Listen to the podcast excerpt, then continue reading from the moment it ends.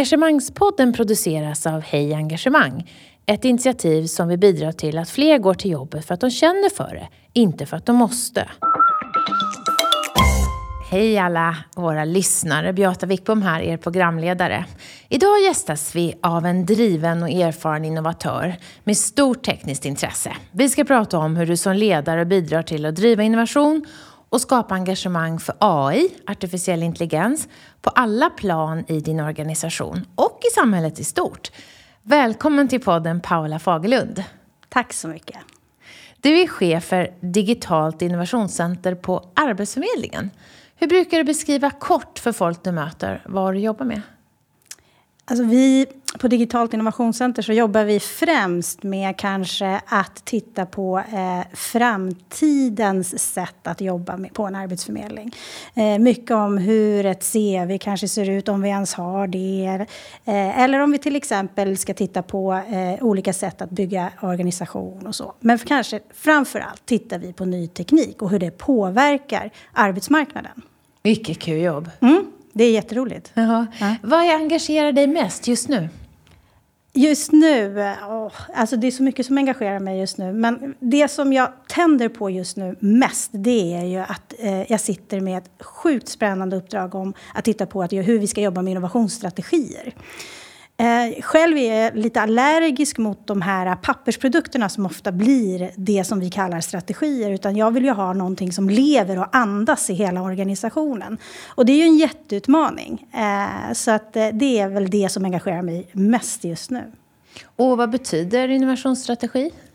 Alltså det, det är en del av utmaningen. För att en klassisk innovationsstrategi, där är det så metod, process och vision och mål och en så klassisk pappersprodukt. Medan nu handlar det så mycket om hur skapar man innovationskänsla i hela organisationen? Hur skapar vi liksom utrymme för att folk kan känna att det är okej okay att jobba med innovation, att det är roligt att jobba med innovation eh, och att man kan känna ett engagemang för att skapa nya saker, inte alltid jobba med samma saker. Kan vi säga att du jobbar med innovationsengagemang? Ja, faktiskt. Eller engagemang ja, men Det var ett bra ord. Det kanske jag snor. Ja, det är klart du ska. det var jättebra. Ja, men det är nog faktiskt kärnan i det hela. Och för oss som lyssnar, hur många medarbetare pratar vi om som ska känna något sorts innovationsengagemang? Hur många är ni på Arbetsförmedlingen idag? Alltså vi är runt 10 000. Nu ska ju inte jag göra det för alla på en gång. Utan vi pratar ju om dels mitt team och sen dels det verksamhetsområde som vi har valt ut som eh, vi under det här första året tittar på hur vi ska jobba med innovation. Och sen så eh, sprider vi det så småningom. Mm. Vad är det mest utmanande med att skapa det här liksom suget och intresset och engagemanget för innovation ganska brett ändå bland kollegorna?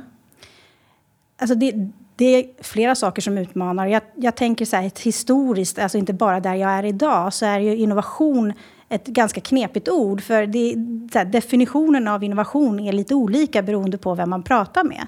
Eh, och ofta kanske det handlar om teknisk innovation, att det är AI som vi, du nämnde tidigare. Man eller, tänker på uppfinningar ja, och sånt. Ja, men precis. Eh, men eh, vi, just nu jobbar vi i ett bredare perspektiv med att skapa just den här förmågan att vara innovativ. Så att vi har ett bredare perspektiv. Så det, det, just innovations definitionen är en utmaning i sig. Eh, men sen så är det ju också att eh, folk har ju väldigt mycket att göra ändå. Eh, och nu ska vi stoppa in innovation. Så att det är ju en kulturförändring som vi är på. Mm. Och ni kanske också måste designa om arbetssättet för att få in innovation hela tiden. Mm. Du, berätta lite mer om dig. Vad går du igång på när du jobbar? Ja, det är oftast så att jag är som bäst när jag får någonting som är problematiskt framför mig. Det är det som eh, jag går igång på. Man ska skapa något nytt, förändra någonting som inte funkar eller bygga upp någonting som inte redan finns. Sen slutar mitt... Alltså, sen tappar jag geisten helt när jag till exempel ska jobba med administration eller förvalta någonting. Och, och så här. Utan det är just att påbörja bygga upp och förändra. Det, det går jag igång på. Så man ska sätta något knepigt i händerna på dig? Ja, helst. Det, det, jag brukar alltid tänka så här att om det inte pirrar lite i magen när jag går till jobbet, då, då ska jag nog byta jobb. Kan ni tänka på lyssnarna om, om någon av er går omkring med bara gröt i magen mm. och inget pirr. Mm. Vad betyder det? Eh, och som ledare då? Det här är ju en podd som många ledare och chefer lyssnar på. Hur, hur skulle andra beskriva dig som ledare, tror du? Det är ju lätt att beskriva den ledare man vill vara. Men jag brukar vara ganska noga med att hela tiden stämma av med mitt gäng just kring ledaregenskaper och så. Det jag tror är viktigt och någonting som, som jag försöker jobba för att vara, det är ju liksom att bygga den här grundplattformen eh, som krävs för både engagemang och, och, innovation. Det är just den här plattformen av tillit och trygghet eh, hos alla, hos chefer och medarbetare, just för att det är grunden till att våga ta ut svängarna, våga vara innovativ. Eh, och det är ju svårt att jobba någonstans och känna engagemang om man inte känner sig trygg. Eh, för det, det, det är min teori i alla fall. Att det, mm. de Men det säger forskningen också, ja. att tillit, tillit eh, behövs för mm. förmågan att känna engagemang. Mm. Och vad gör du då som ledare för att skapa tillit och trygghet? Det, det, är lite olika beroende på vad man har för grupp framför sig. Jag, jag tror liksom inte att det finns en metod som passar alla. Utan, eh, jag tror det är det här med att ha tentaklerna ute hela tiden och, och, verkligen ta reda och lyssna, ha större öron än mun. Eh, och lyssna på vad folk känner att de behöver, eh, vad, de känner, liksom vad de tänder på, vad de eh, brinner för. Och kan man hitta det då och passa in i den vision som det företag man jobbar på eh, har, så är det, det, det är ju utmaningen att pass, pussla ihop det teamet. Eh, det är det är det vi, så jobbar vi idag. Och, och, och, vi jobbar väldigt mycket med det här kollaborativt lärande. Att vi tillsammans är nyfikna eh, på nya saker hela tiden och att man vågar vara det. Och det, det ibland kan det vara så att det inte finns en direkt koppling till dagens uppgift. Eller så här, men, men man, så här, ja, det kanske blir en liten omväg, men den läroperioden gör slutresultatet ännu bättre.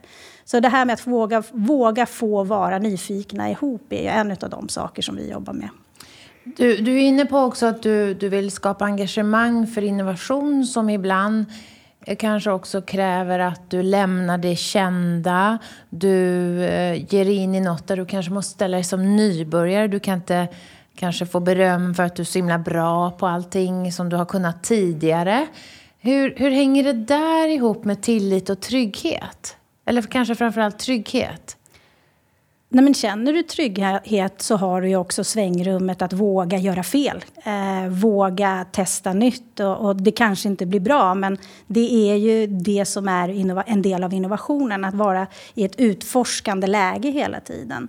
Eh, och det är ju klart att det är läskigt. Eh, det, eh, och det är väl kanske, jag vet inte om det är en, en, en, svensk, ett svenskt beteende där vi inte riktigt pratar om vad som går fel, utan det sopar vi gärna under mattan och så pratar vi gärna om våra framgångar. Jag försöker mer, så här, det, vi ska ju prata om det som inte funkade, vad hände, varför, vad ska vi tänka på till nästa gång? Vad lärde vi oss? Eh, vad, precis, vad lärde vi oss? Eh, och att eh, det är cred att våga göra det. Det är ju också det är ju modigt. Och mod är ju något som behövs både eh, i ditt vanliga arbetsliv men framförallt när du jobbar med innovation. Det är ju en del av, av DNA, att vara modig och testa nytt. Du känns väldigt modig och kaxig. Då menar jag på ett positivt sätt. Hur, hur märks det i ditt ledarskap att du är det? Jag ja, det där var ju en bra fråga. Um, jag tror att jag har lämnat bakom mig det här med att skämmas över saker som jag gör. I alla fall i arbetslivet. Eh, men det är... Plötsligt ser Paula jätteglad ut. Åh, så härligt att inte skämmas mera. Nej, men jag tror inte så här, Jag tror att jag själv vågar visa att jag gör fel. Eh, och det tror jag är viktigt när man jobbar med ledarskap. Att eh, jag jag sätter, alltså min dag, alltså jag sätter mig nästan aldrig i ett rum där jag är smartast, för då lär ju inte jag mig någonting och jag bidrar inte med någonting då. Utan det handlar ju om att få folk runt omkring sig att våga ta nya steg, att, att eh, vara de som kanske kan lära teamet någonting eller så. Så att det, det, jag tror det är en del av ledarskapet också, att visa att jag, jag är ju en vanlig människa, jag är ju inte, jag är ju varken bättre eller sämre än någon annan, utan det är väl mer Eh, att våga visa vad man är själv. Då vågar andra visa. Det kan ju inte undgått någon att Arbetsförmedlingen är inne i en stor förändringsresa. Hur ser visionen ut för ert arbete framåt? Vi, alltså Arbetsförmedlingen är ju eh, i en stor reform. Eh, vi har precis fått en ny generaldirektör, Maria Mindhammar. Eh, och det är mycket som inte är klart såklart. Och det är ju det jag tänker att det är en del av det vi behöver jobba med. Att ah, ingenting kommer någonsin bli helt klart. Eh, och det är ju en förändring i sig. Eh, men vi ska ju fortfarande förhålla oss till de regleringsbrev som kommer. Eh, och det gör ju vi och försöker göra det på nya, mer effektiva sätt. Eh, och det arbetet har ju pågått med förra GD och pågår nu med nya liksom, tag ifrån ny GD. Så det är Generaldirektör, nu, för er som inte är Generaldirektör, inne med precis. myndighetsförkortningar. Förlåt, ja precis. Lingot eh, som man gärna kastar sig med. Uh, nej, men, så det, det, är mycket som är öppet fortfarande. Men, men det vi vet, det är ju att andra privata eh, aktörer ska in och göra sånt som vi har gjort tidigare. Och det är en jättestor förändring. Och, hitta... och visionen då? Hur ser den ut framåt? Ja, men det är ju att uppfylla regleringsbrevet. Att vi ska se till att vara en myndighet som eh, möjliggör så att folk får sin försörjning. Det är väl inte den exakta benämningen som står på vår hemsida, men, men det är det som är eh, grunduppdraget. Mm. För, ni möjliggör, ja. ni stödjer, ni Precis. hjälper, ja. ni... Och kontrollerar, kontrollerar. Mm. Mm. Och du ansvarar då på, för Digitalt innovationscenter som är en del av nytänkargruppen. Mm. Hur, hur kopplar ni an till den här eh, visionen? Ja, alltså det, det vi kanske närmast eh, jobbar med så här, dagligdags kring det här, det är ju det att AI tar i, liksom, Eh, börjar liksom ta eh, plats inne på myndigheten. Hur gör vi det eh, på ett bra sätt? Eh, där jobbar ju vår IT-avdelning väldigt mycket med att eh, testa och utveckla. Så det är mycket teknik, eh, som vi, liksom, tekniktänk som vi bidrar med. Eh, och hur kanske, det blir arbetssätt av teknik ja, också. Ja, och kanske framför allt hur de etiska områdena kring den här nya tekniken. Eftersom vi pratar om självlärande algoritmer och så. så, så här, hur, ska, hur ska de byggas på ett etiskt sätt så att de gör saker som är bra för oss människor? Eh, det pratas ju väldigt mycket om AI och det pratas väldigt mycket om eh, etiken kring det. Och det är väldigt spännande just nu för att vi har eh, liksom börjat jobba tvärfunktionellt kring den här frågan. AI har ju tidigare varit en väldigt tekniskt här, teknisk, få förunnat område med mycket så här, kodning medan AI idag handlar ju mer om ett så här, tvärfunktionellt arbete med juridik, med analys och eh, liksom hela, allt från ledningen och hela vägen ska det ju liksom vara förankrat och hitta ett engagemang. Ja. Men är det ni då som utreder eller är det ni som är, har an, gör användartester? Eller, vad, hur, kan du förklara lite mer? För det här med ett, en, en speciell låda som heter innovation som ligger utanför liksom, mm. den ordinarie verksamheten, verksamheten blir ju vanligare och vanligare mm. för att snabba på vissa förändringsprocesser. Ja. AI, I AI-arbetet så är det ett fullt så här, verksamhets och IT-drivet... Eh, där är vi med med vår kunskap. Eh, vi jobbar ju ännu mer med att jobba med prototyper för, för andra tjänster mot kund och hur man ska jobba med Eh, ett område som Arbetsförmedlingen har ett ganska stort ansvar för. Det är hur man får de som står väldigt långt ifrån arbetsmarknaden att snabbt komma in. Det är sådana liksom, uppdrag som vi jobbar med. Och då kan det vara allt ifrån att hur man snabbt introducerar någon som kanske inte alls kan svenska. Eh, finns det något tekniskt eh, verktyg som gör att det underlättar eh, liksom och blir mer effektivt? Eh, sen är ju innovationscenter, vi produktionssätter inte någonting. Alltså vi, vi, däremot så kommer vi med prototyper som andra tar vid. Ni skalar inte upp någonting? Vi skalar inte upp någonting själva. Mm. Eh, och det är inte meningen, för vi är ett jättelitet team och vårt, vårt uppdrag är just att se till att vi, här, nya prototyper och, och, och helst, jag brukar tänka så här, vi ska göra jättemånga prototyper men det kommer ju bara vara kanske två eller tre som implementeras på riktigt. Men de andra har gjort att hela organisationen har lärt sig någonting och gör andra saker bättre. Eh, så vi är mer ett prototypgäng än någon utvecklingsteam som skapar nya kanaler eller så.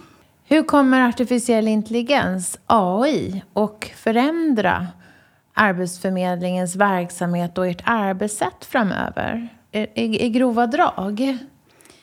Ja, alltså det är ju... Eh, ganska mycket effektivisering som vi ser det. Eh, det blir också möjlighet att eh, skapa eh, bättre analyser, eh, vara, jobba med det som kallas prediktiv analys, ta bättre beslut. Det är väl liksom de stora eh, delarna där, där jag ser att AI kommer eh, förbättra och förädla.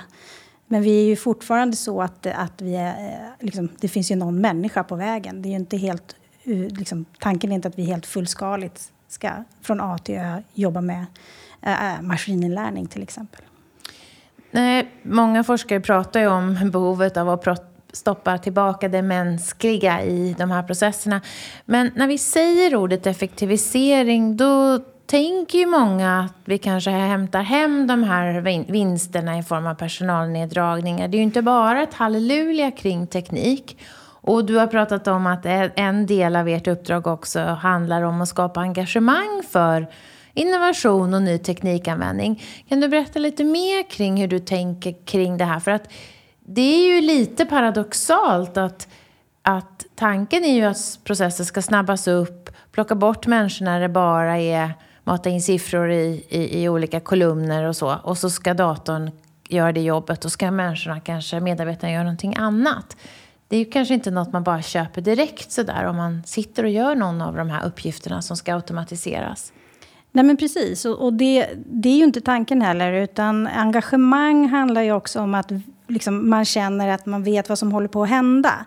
Eh, och AI är ju eh, ett område som inte alla ens vet vad, vad, vad det är för någonting. Så ett av mina uppdrag också är ju att att eh, ta ner AI från det här mystiska robotarna tar över eh, till vad det faktiskt handlar om. Att det handlar alltså först och främst för att göra oss själva bättre i våra beslut. Att vi ska kunna ta bättre beslut. Vi kan få bättre underlag. Vi har, i, i, ja, I de flesta företag eh, så är, har vi ju väldigt många system men de kanske lever isolerat och med hjälp av automatisering kan vi samla information och ta bättre beslut. Så det handlar ju inte om att, att vi ska bli färre ut, på grund av AI, utan det handlar ju om att vi ska ta bättre beslut och att vi ska eh, få bättre underlag. Eh, och vi ska Så få kunskapshöjning, det är ett sätt att skapa engagemang ja, och mera? Ja, men alltså och också att få testa på.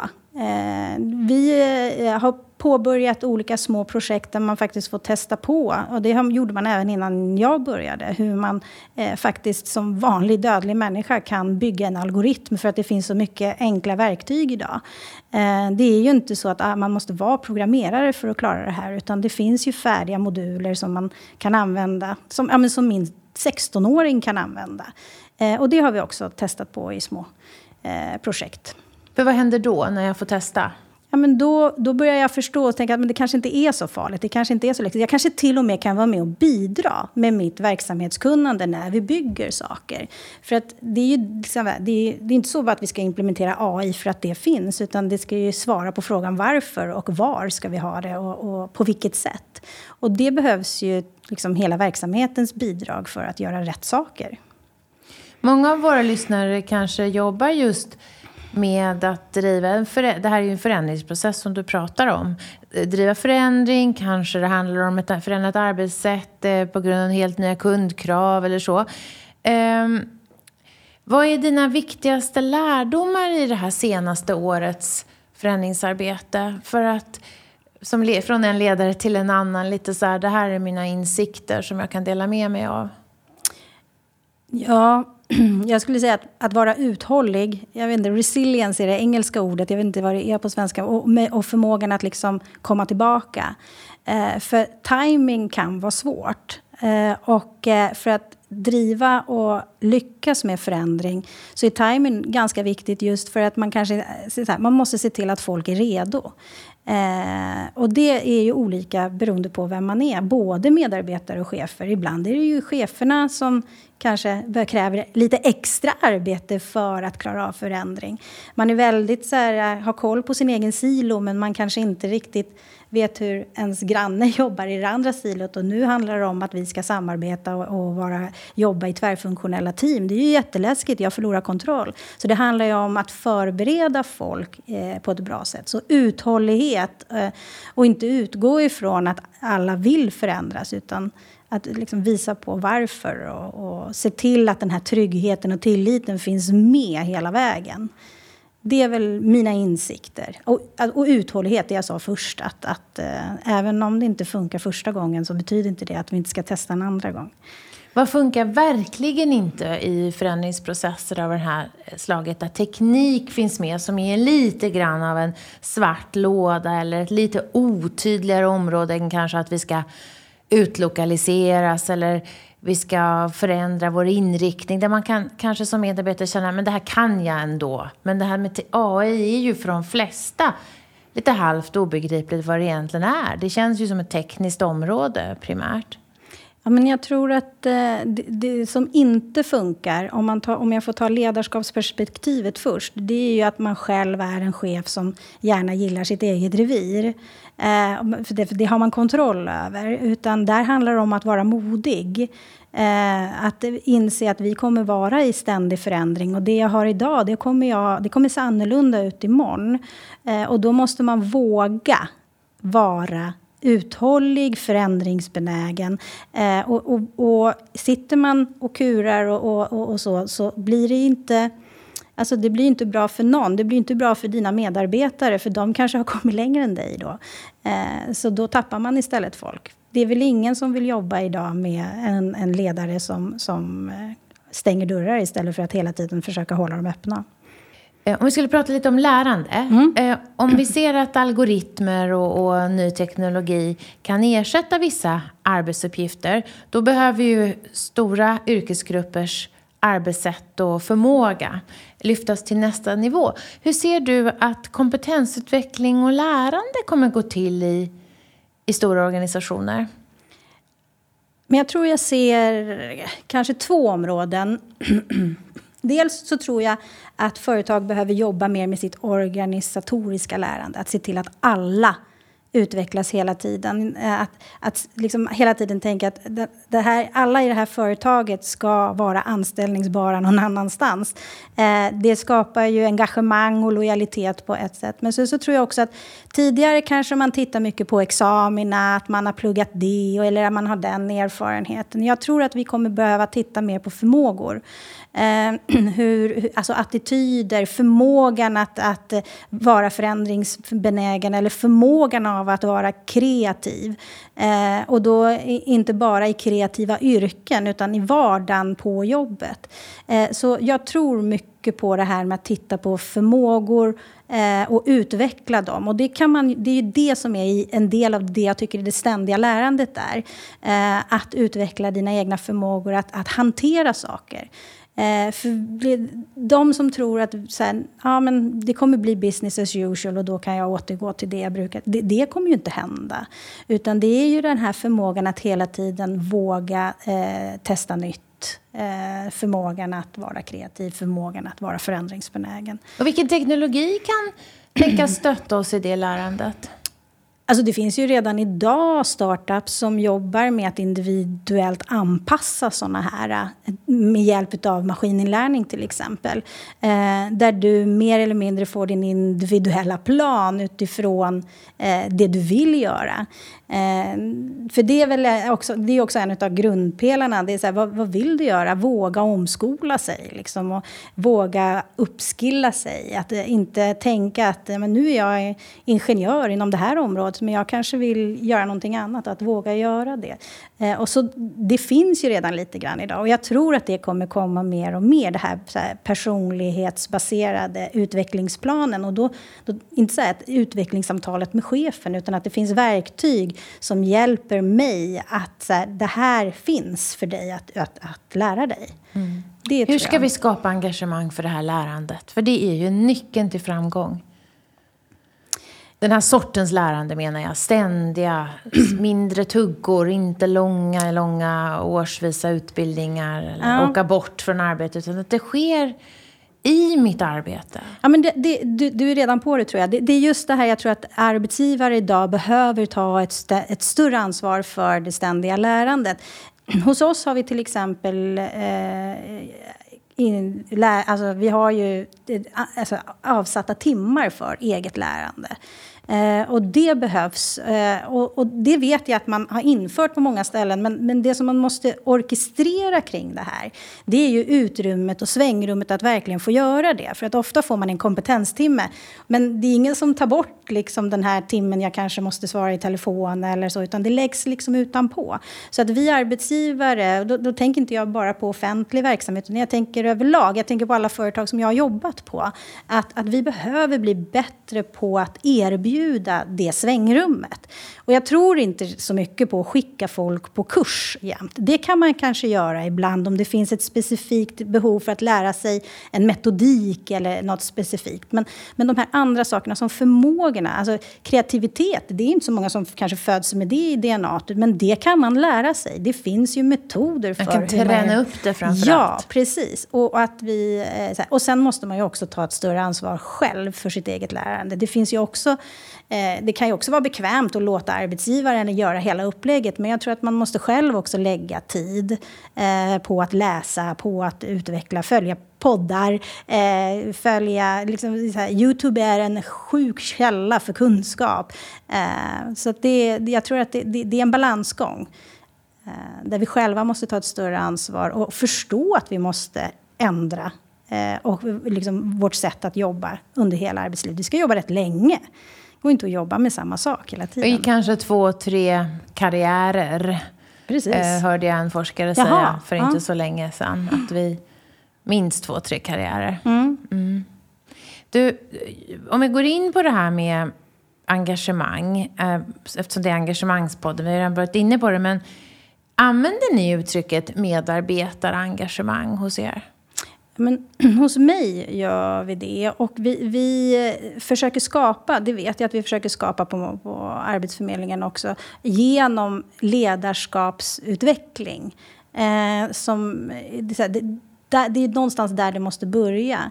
Eh, och det, det gör vi. Eh, och, alltså, I mitt team så är det ganska tacksamt. Allt vi gör, alltså, det, det är nog ingen som riktigt har tråkigt på jobbet. Utan det, det sker ju alltid mycket nyfikenhet och mycket engagemang. Jag, jag, när jag inte blir inblandad, då är ju engagemang... Alltså det, det ju, då känner jag att det finns ett stort engagemang. Eh, då är jag mer en le, processledare, om du förstår vad jag menar. Eh, och så händer det fantastiska saker. Det, Hur definierar ni det då? När ni, för du var inne på tidigare, det är viktigt med språk och vad menar vi när vi säger en viss sak? När ni säger högt engagemang, vad, vad menar ni då? Ja, men ibland kan det ju till och med vara så... Eh, alltså, det är ju när, när människor når resultat genom att kanske inte helt och hållet vara styrd utan de, de hittar sina egna vägar eh, och har roligt. Alltså engagemang handlar ju också om att få ha roligt på jobbet. Eh, så då, då har vi den liksom, definitionen. Det ska vara roligt och det ska vara nyttigt för arbetsmarknaden och det ska vara nyttigt för Arbetsförmedlingen. Då har man kommit ganska långt när vi tickar i det här. Eh, så det är väl så jag märker att vi har högt engagemang och det är väl så vi pratar om engagemang. När en medarbetare knappt kan sluta göra det hen håller på med då? ja, men det är snarare det. Ja. det, det och att, eh, det är också en utmaning. Jag har ju en, en så här att för, att för att jag ska säga nej till en idé, då måste jag fundera rätt hårt och liksom dokumentera för mig själv i två A4-sidor varför ska jag säga nej till det här? När jag, så här, ibland kan jag, visst, det kan ju ha med budget att göra och sånt där, men, men just det här att det ska inte vara så lätt för en ledare att säga nej till en ny idé heller. För att eh, det är ju den största tröskeln av alla. Det är ju väldigt lätt och bekvämt och så bara, nej men du ska ägna dig åt det här. Eh, istället så här, ja, men det är lite svårt att säga nej. Det ska vara svårt att säga nej till idéer som medarbetare har. För nej är en engagemangsdödare? Ja. Mm. Hur känns ett högt engagemang? Om du skulle jämföra en dag när du tydligt märker att det finns engagemang jämfört med en där det inte finns det? Nej, men jag tror att en, en sån sak som jag märker i vårt team det är när konversationen fortsätter i andra kanaler när vi går hem till slut så sa men sluta nu. så det, det, det är ett högt engagemang. Folk, eh, när, de, när de tycker att det är roligt att fortsätta. Eh, och det är ju en annan... Sån när det bubblar Ja, men liksom. det bubblar mm. hela tiden. Och så kanske man kommer på morgonen och när jag kliver in så kanske vi redan eh, har haft massa konversationer i massa kanaler som jag inte har varit med på. Och så händer det bara massa saker. Då, då är det ju högt engagemang. Hur ser du på kopplingen mellan medarbetarengagemang och teamets resultat? Är det spikrak koppling? Alltså jag har ju ingen teoretiskt bevis för det. Men jag, det jag märker är ju att när engagemanget är högt så, så står man ju också för sitt resultat oavsett om det har varit framgångsrikt eller att det har varit problematiskt eller att det inte har funkat alls. För har man då känt att man har haft eh, sitt gäng med sig, sitt team eller vilka man nu är eh, och sen så blir det kanske inte bra, då står man för det och så lär man sig något. Så du resultatet, ägarskap i frågan? Exakt. Så resultatet liksom ägs ju, precis som du säger, av, av de som har skapat det. Det, det är väl, jag vet inte om det finns någon teori eh, eller forskning bakom det, men det är väl det jag ser. Um, och det, det är ju fantastiskt, för att då delar man också med sig. Det är det bästa som finns när någon delar med sig av något som inte har funkat. För ett, då slipper jag göra samma misstag. Och, och två, vi kan alla lära oss någonting av det. Eh, och, och, tre, vi kanske kan hitta ett sätt att få det att funka tillsammans. Det var en jättebra insikt. N när är du som mest engagerad? Alltså jag är gammal kommunikationschef. Jag tror att jag är... Här, när det brinner, då är det så här... Då, då vet jag att ja, men då får maken ta hand om familjen och så, eh, så kör vi järnet. Då, då, då känner ju jag ett jätteengagemang. Eh, sen finns det ju grader av det. Men det är ju ofta när det finns något problem som inte är löst än. Eh, då är engagemanget högt. Och så sa du, så kör vi järnet. Så det är också när teamet då får jobba ihop på en väldigt tydlig definierad uppgift samarbetet, utbytet. Precis. Det, det war room-känslan, Ja, men det händer gemenskap. ju något då. Eh, man växer ju som människa jättemycket på att liksom säga nej, nej, det funkar inte. Eller ah, åh, nu hittade vi en lösning. Du vet, den känslan när man har jobbat och, och det funkar inte och det blir inget bra. Och, så här, och sen så bara blir det en sån förlösande känsla. Det är ju, det är ju fantastiskt. Mm, det är väldigt härligt. Nästan som en sån där aha-känsla. Mm. Eh, går det att se några gemensamma beteenden hos de ledare eller chefer som är bra på att skapa engagemang i en grupp? Vad de gör? Ja, det skulle jag nog säga. Om man tar min arbetsplats idag. Jag har ju en, en, en, en väldigt nära chefskollega som jag jobbar väldigt nära eh, med som leder ett team som heter Digitalt engagemang. Eh, och det är just det här, in, här, vara extremt inkluderande. Då tror jag att eh, det här engagemanget och de goda resultaten kommer. Också så väldigt bra på att bygga tillit och trygghet. Och sen så kan man ju se att när det inte funkar så handlar det oftast om att det där inte finns på plats. Eh, och det, min egen teori kring det är väl att när det inte funkar så handlar det väl ganska ofta om rädsla. Rädsla för att göra fel, rädsla för att tappa ansiktet. Eh, det, de gemensamma dragen handlar om att skapa ytor där folk vågar. Eh, och lyckas man inte med det, då, då, ja, då, kan, då kan det vara svårt att vara en bra ledare idag.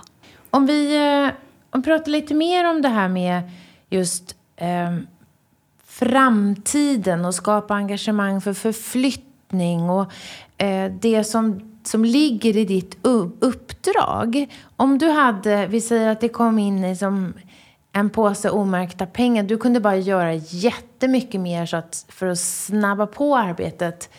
Då menar jag arbetet internt mot alla kollegorna på myndigheten.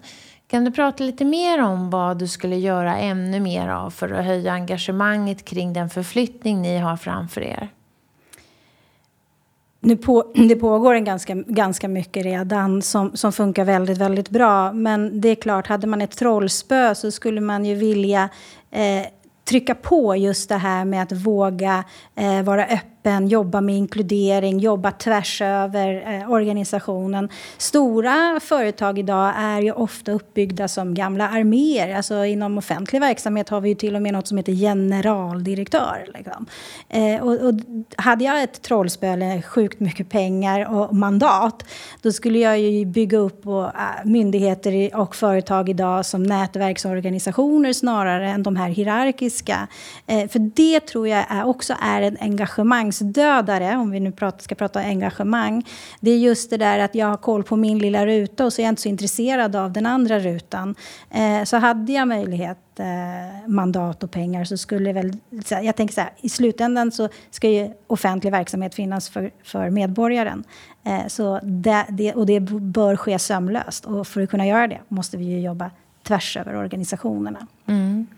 Vad betyder, vad betyder nätverksorganisation? Vad ser du framför dig är den stora styrkan? Ja, men lyckas man skapa tvärfunktionella team med kompetenser som, som, där vi har både teknik, verksamhet, juridik, analys, kommunikation framför allt. Eh, när, när, lyckas vi skapa sådana team som blir lite autonoma och, får, och får lösa sina problem eller problemlösningsuppgifter eh, så tror jag, så här, det vet vi att det idag är det som funkar bäst. Eh, så funkar ju väldigt få företag. Kanske några startups. Det är ju liksom en del av startup. Eh, så att man jobbar tätt i team. Och, och väldigt nära användaren eller kunden. Mm. Precis. Eh, och det menar jag med att jobba i, mer i nätverk. Och så, så har man det. Sen så är man inte då liksom styrd av att tillhöra en viss avdelning eller en viss enhet. Eller, utan att man mer, och sen så skulle jag ju också vilja se ett ännu större, eh, liksom så här, möjlighet till medborgarengagemang i, då i offentlig verksamhet. Just att vi får med oss i vår utveckling eh, folk som faktiskt som ska använda tjänsterna. Mm. Och du är ju som du var inne på kommunikationsexpert, det är ju din bakgrund också. Om du hade den där påsen med omärkta pengar och fick utforma kommunikationen så varenda medarbetare eh, på myndigheten blev berörd och blev engagerad av den här förflyttningen. Vad tror du behöver göras ännu mer av då?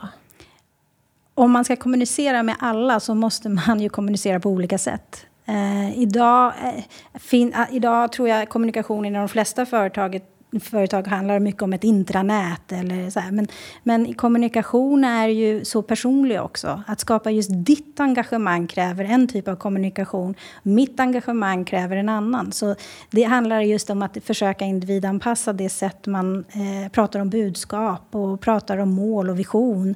För i, ofta kan ju en, eh, en vision vara lite flummig för någon som kanske har en, en, liten arbetsuppgift eh, i ett jättemaskineri. Så därför måste man då hitta det sätt att kommunicera med den så att man förstår sin egen roll och sin egen liksom, betydelse i det här.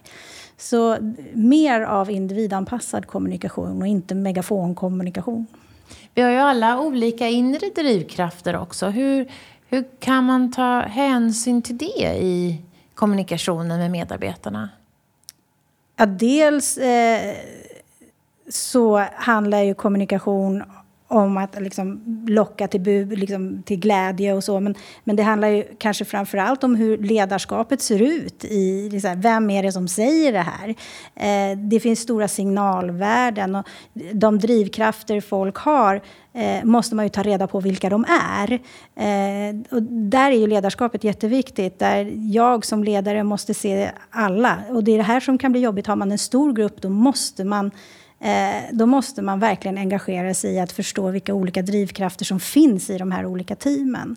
Eh, det, den kommunikationen är ju ganska komplex eh, och tar tid. Men det är ju en del av ledarskapet. Är den nödvändig? Jag tycker det. Eh, nu är det ju lite enkelt för mig, för jag har ju ett litet team. Det blir ju svårt när man har många. Men, men eh, om man om man får skilja på chefskap och ledarskap, eh, om man får göra det en stund, så handlar det ju om att en ledare idag kanske inte behöver vara specialist på det som ska utföras, utan snarare en specialist på att leda människor. Eh, vi blir ju fortfarande promotade utifrån något bra vi har gjort, eh, istället för att kanske bara, ja men den här människan har lett fem olika team i de senaste åren som har nått de här framgångarna. och våga då ta in den Även fast den inte är specialist på sakområdet. Det tror jag vi liksom skulle behöva göra mer eh, överhuvudtaget. Du själv som ledare, om du också hade den där påsen omärkta mm. pengar och fick, och fick möjligheten att... Och ingenting hände liksom på vanliga jobbet utan du fick utvecklas här och du fick fördjupa dig. Vilket område ser du kommer bli mer och mer viktigt framöver där du skulle vilja bli ännu mer kapabel eller du skulle vilja öka din förmåga? Jag skulle nog försöka utveckla... Eh, som, som gammal kommunikatör så tänker jag att det är någonting som alltid behövs och det kommer alltid nya sätt att jobba med det. Så jag tror nog att just kommunikation är någonting som jag skulle fortsätta, eller återuppta, om jag får säga det nu, eftersom jag inte ägnar mig åt det skrået eh, jättemycket nu. Eh, utan då, som ledare idag, så att om man inte är duktig kommunikatör, då kommer man få det svårt. Eh, för det, det, är genom kommunikation du skapar tillit och trygghet och det här engagemanget som du behöver för att få ett framgångsrikt team. Eh, så det skulle jag... Det är färskvara. Liksom. Det är inte någonting man lär sig en gång och sen så kan man det. Så få träna på det oftare kanske? Ja. Mm. Eh, när jag möter dig så möter jag ju någon som har hög energi. Du, du också du, har, du utstrålar att du gillar läget. Hur ser du, vad är viktigt för dig för att du ska fortsätta brinna och orka länge, länge till? Ja, jag brukar alltid välja chef. Eller jag har gjort det de senaste åren i alla fall. Det är nästan A och O eh, att själv ha en chef som, som passar mig. Vilket innebär stort svängrum, stort mandat, eh, tillit. Eh, och att, att eh, det, det, behöver jag för att själv kunna eh, brinna och vara engagerad. Och jag har haft tur de senaste, eh, mina senaste chefer de, och min nuvarande. De är så. Eh, jag skulle inte tacka ja till ett jobb om jag kände i en intervju att det här blir komplicerat. Eh, och det kanske man inte ens upptäcker. Jag har ju sagt upp mig flera gånger för att det inte har. Här, man måste välja sin chef för att själv kunna få utvecklas. Det tror jag stenhårt på. Den här nyfikenheten du har för det nya. Mm. Det är nog många som inte, de kanske säger det, men för att man måste ju vara lite framtidsorienterad, men kanske ändå på handen på hjärtat inte tycker att det blir så mycket bättre sen, utan det var ganska bra förr. Men du har ju verkligen en genuin nyfikenhet för vart samhället är på väg, vart tekniken är på väg. Hur ger du näring åt den där nyfikenheten? Alltså mina barn är en väldigt stor källa till det här. För de, de, är, de är ju uppfödda i det här som jag, alltså, jag tycker att jag är född för sent. Eller i en fel era. Jag borde varit eh, tonåring nu. Eh, men, eh, men du är ju lite som en tonåring nu. lite bråkig. Ja. Eh, nej men, så, så nej, men nyfiken och utforskande. Ja, Eh, men, eh, det, här, men, men sen så ägnar jag väldigt mycket av min fritid till att lära mig nya saker. Eh, så jag råkar ju vara gift med en AI-utvecklare, så det är inte så konstigt att jag är supernyfiken, för det är det vi pratar om runt middagsbordet. Och, eh, det, det, det, finns i hela vår familj. Vi hade ju en period då vi hade daily stand-ups i familjen på morgonen innan vi gick till skola. Och det är för er som, jobbar, som inte jobbar med scrum-metoden, det är när man pratar lite vad man har framför sig ja, och det, det, så, under dagen ja, för uppgifter. Ja. Eh, man ställer tre frågor. Vad gjorde du igår? Vad ska du göra idag? Vad behöver du hjälp med? Eh, just för att alltid också eh, hänga med i utvecklingen. Men, men eh, jag använder eh, extremt mycket av min fritid till att hela tiden titta på roliga saker som jag är intresserad av. Och det behöver inte alltid handla om teknik eller ledarskap, utan det kan vara en, en konstig sport jag aldrig har sett. Men det handlar ju om att, att hela tiden hitta nytt. Är du född nyfiken eller kan du med ett litet reglage faktiskt ställa dig mer i ett nyfiket läge? Jag är nog född nyfiken. Skulle jag, de som känner mig skulle nog säga att eh, hon är född nyfiken. Mm. Och det tycker, jag är ju också sån. Och det är väldigt fint om man är det, för det ger ju ett engagemang för lärande. Ja. Ja, på ett naturligt kan, sätt. Till, och om man ska ta en nackdel så är det att jag kan ju bli frustrerad ibland för att jag inte har tid eh, och ägna mig åt allt jag skulle vilja. Så det, det, handlar ju om en balans där. Eh, men ja, ja det, nyfikenhet är ju också en sån här förmåga jag tror att man kan träna upp, eh, som jag tror kommer bli väldigt, väldigt viktig sen. Vi måste komma till den sista frågan nu tyvärr. Och då, mm. Den har, ser ju alltid likadan ut för er som har lyssnat förut. Och den handlar ju om att eh, det här med engagemang faktiskt är, börjar bli en folkhälsofråga. Oengagemang leder till ohälsa, leder till eh, att du inte ser om din kompetens och du inte, gör dig inte själv anställningsbar. Um, om du var engagemangsminister för en dag, för nu har det inrättats en sån post i regeringen. vad skulle du göra för att fler svenskar skulle älska att gå till jobbet? Ja, alltså jag måste säga att jag, det är ju mycket genom att följa er som jag har förstått att oengagemanget, eller icke-engagemanget, är så himla stort. Eh, jag tror att eh, om jag fick vara, eh, bestämma helt själv en dag eh, på vad vi skulle göra, då skulle jag kanske införa eh, och vad ska jag kalla det? Nå något sorts engagemang, KPI, om man ska använda företagsspråk, eh, som blir obligatoriskt för företag att, att eh, och mäta. Myndigheter. Och myndigheter. Organisationer, myndigheter, företag. Eh, jag tänker två sätt. Då. Dels för mig som företag, eller, eller organisation eller myndighet, så blir det en mätning på just eh, hur bra vi är på engagemang. Men för mig när jag söker jobb, jag skulle ju aldrig söka jobb på ett företag där det inte fanns utrymme, eller där inte folk var engagerade. Så det, blir, det, det KPI skulle kunna vara eh, dels en konkurrensfördel, tänker jag, för om man är arbetsgivare. Eh, men också ett mått på hur bra man är på att skapa engagemang. Mm. Och delvis finns det ju det där måttet genom de undersökningar som till exempel Gallup gör som, mm. visar, som visar just på, inte om vi är, utan finns det möjlighet för mig att känna engagemang mm. här? Mm. Det tycker mm. jag är intressant. Jag skulle mer vilja ha en så dagsform, mm. engagemang i dagsform. Liksom, för det, jag kan vara engagerad en månad och så kanske det slår väl ut i en Gallup, men jag skulle vilja ha då snarare liksom hela årsriken i en så här engagemangskopi.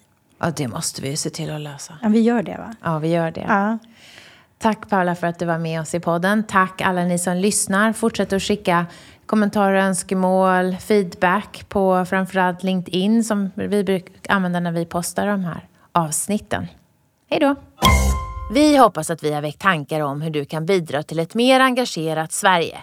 På hejengagemang.se kan du hitta mer inspiration och tips kring hur du som individ, ledare organisation kan jobba för att skapa ett ökat engagemang, välbefinnande och nya resultat. Tack för att du har lyssnat!